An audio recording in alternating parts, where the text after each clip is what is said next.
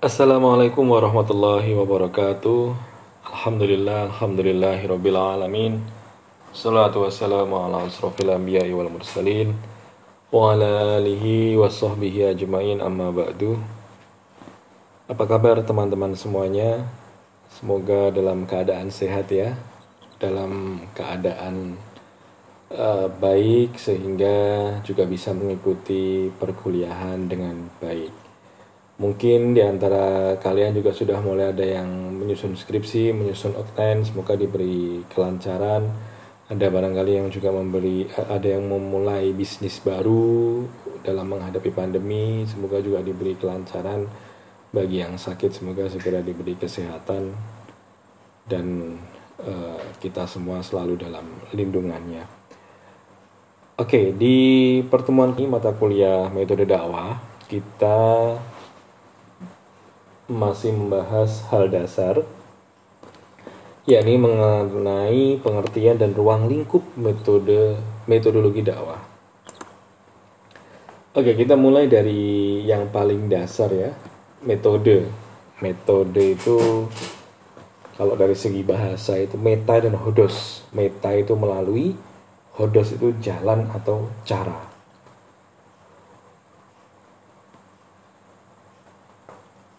Nah, pengertiannya, metode itu cara yang diatur dan melalui proses pemikiran untuk mencapai maksud tertentu. Jadi cara ya metode itu cara untuk mencapai maksud tertentu.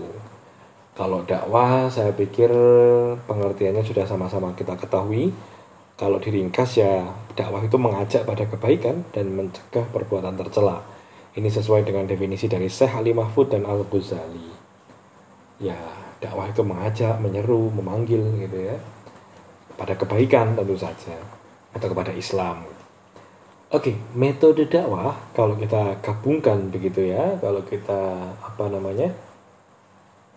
Uh, jadikan satu gitu satu frasa ini ya.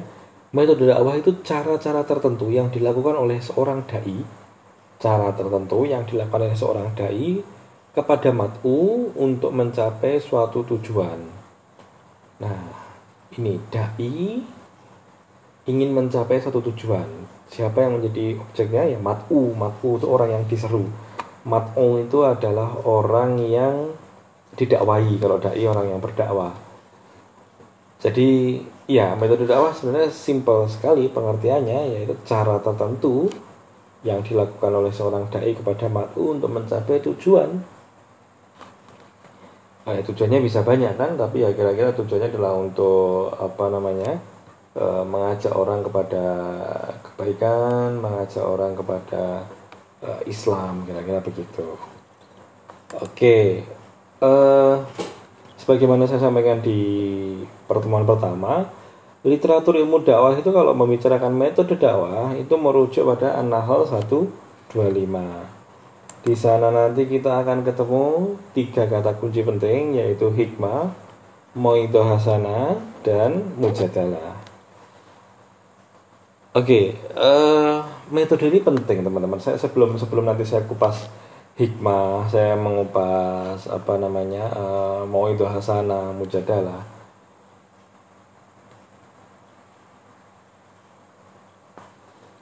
uh, kita masuk ke contoh konkret aja ya tentang tentang dakwah. Kita kita mungkin pernah ketemu orang berdakwah tapi dengan caci maki.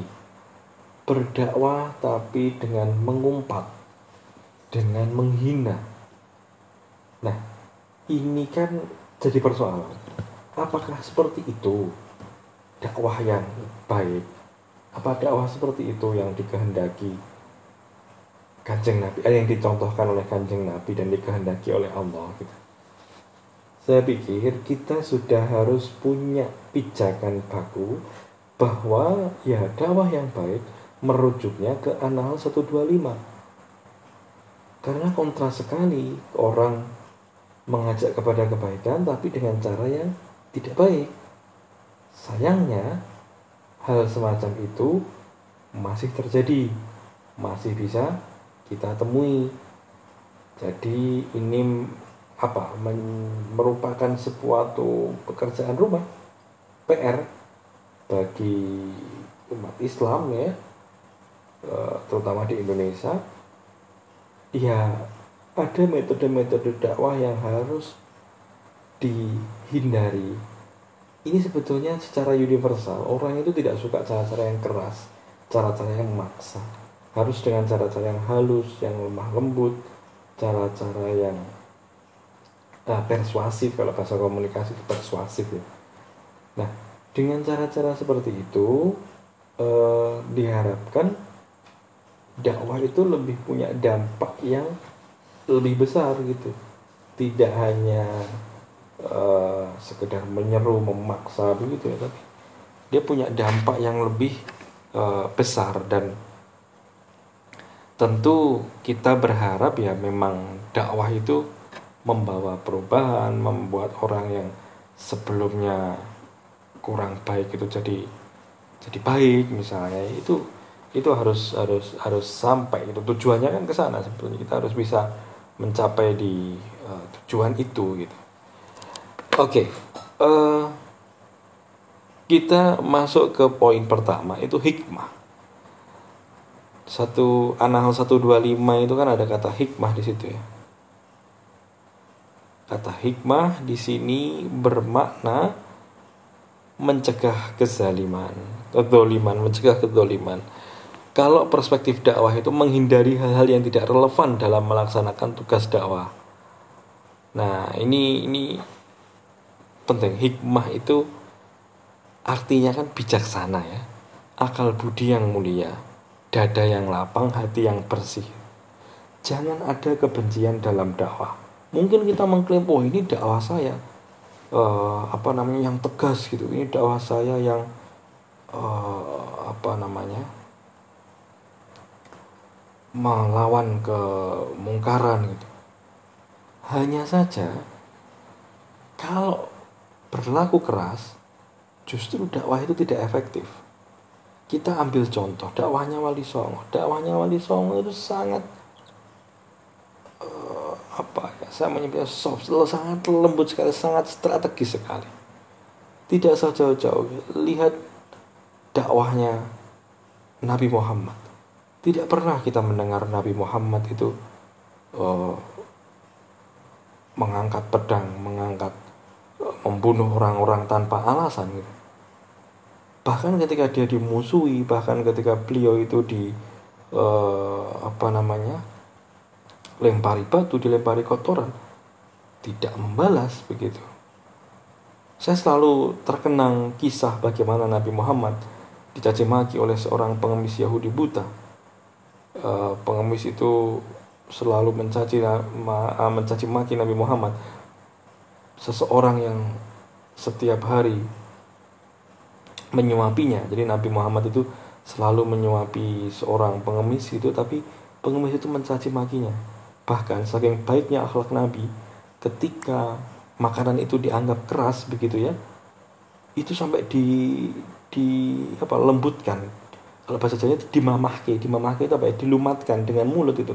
Jadi dikunyah dulu sampai lembut terus kemudian disuapkan. Kalau roti itu keras. Nah, ketika Nabi wafat dan yang menyuapi itu berbeda, si pengemis itu bertanya, di mana orang yang selalu menyuapiku setiap pagi. Dia itu kalau makanan keras dia lembutkan dulu, baru dikasih ke aku. Ini kok tidak? Terus disampaikanlah orang yang biasa menyuapimu setiap pagi itu sudah meninggal dan dia adalah Nabi Muhammad dan dia adalah Muhammad seorang yang selalu kau caci maki. Lu lihat cara cara dakwahnya Nabi itu kayak gini gitu. Cara yang lembut, yang baik begitu ya. Tidak pernah dengan cara kekerasan. Perang itu terjadi hanya karena ketika Nabi diserang. Bukan terus ujuk-ujuk ada sekelompok orang yang tidak mau masuk Islam terus dipenggal lehernya itu nggak ada kayak gitu. Oke itu ya itu itu contoh ya itu contoh bagaimana kemudian dakwah itu dijalankan dengan cara-cara yang mulia karena tujuannya pun mulia. Baik, yang kedua adalah mau idoh hasanah. Nasihat, bimbingan, pendidikan, peringatan. Artinya itu. Kalau hasanah tentu artinya baik. Nah, apa maksudnya? Mau itu hasanah itu adalah ungkapan yang mengandung unsur-unsur bimbingan, pendidikan, pengajaran, kisah-kisah, berita gembira, peringatan, pesan-pesan positif yang dapat dijadikan pedoman agar mendapat keselamatan dunia akhirat. Nah ini teman-teman, pakai kata-kata yang baik, hasanah. Ada kata hasanah di sana. Pakailah kata-kata yang baik. Nah ini ini kan mau KKN ya, jadi silahkan uh, menyampaikan salah silahkan menyampaikan dakwah kalau lagi salah satu program kalian dakwah itu dengan cara-cara yang baik. Kalau mendidik itu juga yang baik gitu. Kalau misalkan mengajar dengan TPA ya sesabar mungkin se se apa ya selembut mungkin gitu. Jangan pernah mengasari anak-anak menunjukkan hal-hal yang kasar gitu ya.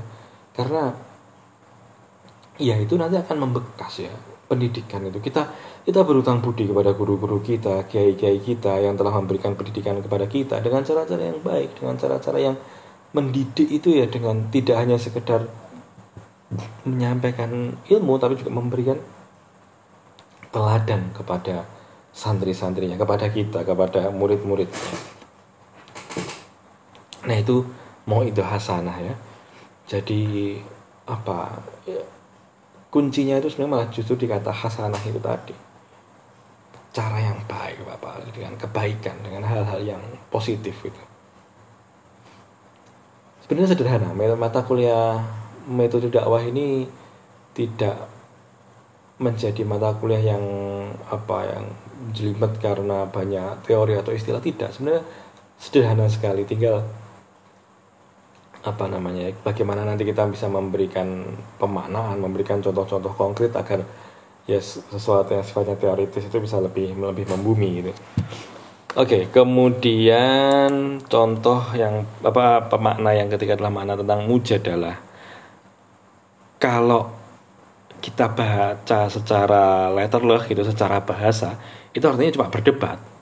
Tapi sebetulnya mujadalah itu tukar pendapat yang dilakukan oleh dua orang, dua pihak yang secara sinergis tidak melahirkan permusuhan dengan tujuan agar lawan bicara menerima pendapat yang diajukan dengan memberikan argumentasi dan bukti yang kuat. Saya lebih menyukai dialog daripada debat. Makanya mohon maaf, mohon maaf kalau ada yang debat-debat agama menang kalah itu bagi saya kalau sebagai tontonan menarik, tapi aduh kok agama jadi seolah-olah kesannya hanya persoalan menang kalah gitu? Padahal lebih indah dialog kan dialog tukar pikiran. Kalau bahasa di buku itu tukar pikiran.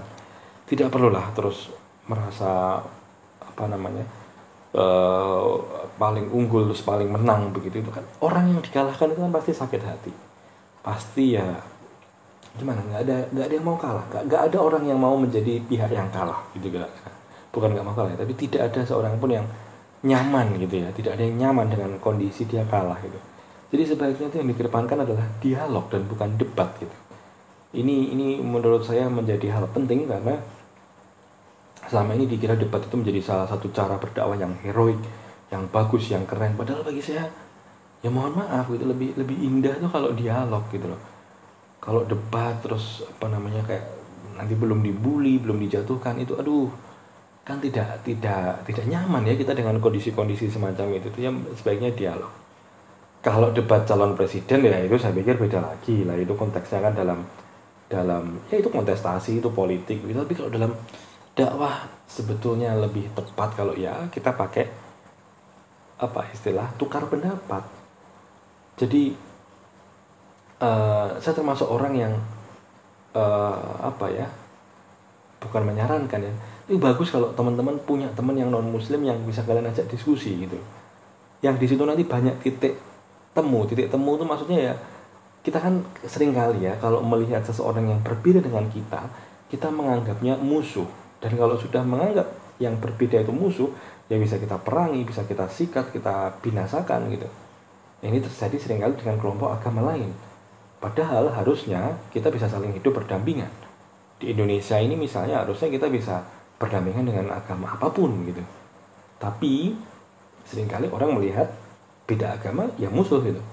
Padahal ya enggak toh yo ya biasa saja toh yo hidup hidup berdampingan di masyarakat itu dengan agama yang beragam gitu. Ya ini ini ini menjadi catatan ini menjadi apa namanya ya eh, semacam evaluasi bagi kita semua bahwa ya tidak perlu ngotot-ngototan antara agama ya dialog saja gitu dialog saja. Ya karena gini tugas kita nanti nanti kita akan diskusi. Tugas kita tuh menyampaikan soal hidayah tuh perkara Gusti Allah gitu. Jadi jangan terlalu kayak ngotot gitu. Terus kalau nggak masuk dengan dakwah kita nggak memenuhi dakwah kita tuh terus bisa kita kasari kita kerasi gitu ya nggak juga gitu. Karena hidayah itu sudah prerogatif Allah Oke, saya kira itu ya pengantar pengantar ringkas ya metode dakwah uh, tentang pengertian dan ruang lingkup metode dakwah. Kita sambung lagi di kuliah minggu depan.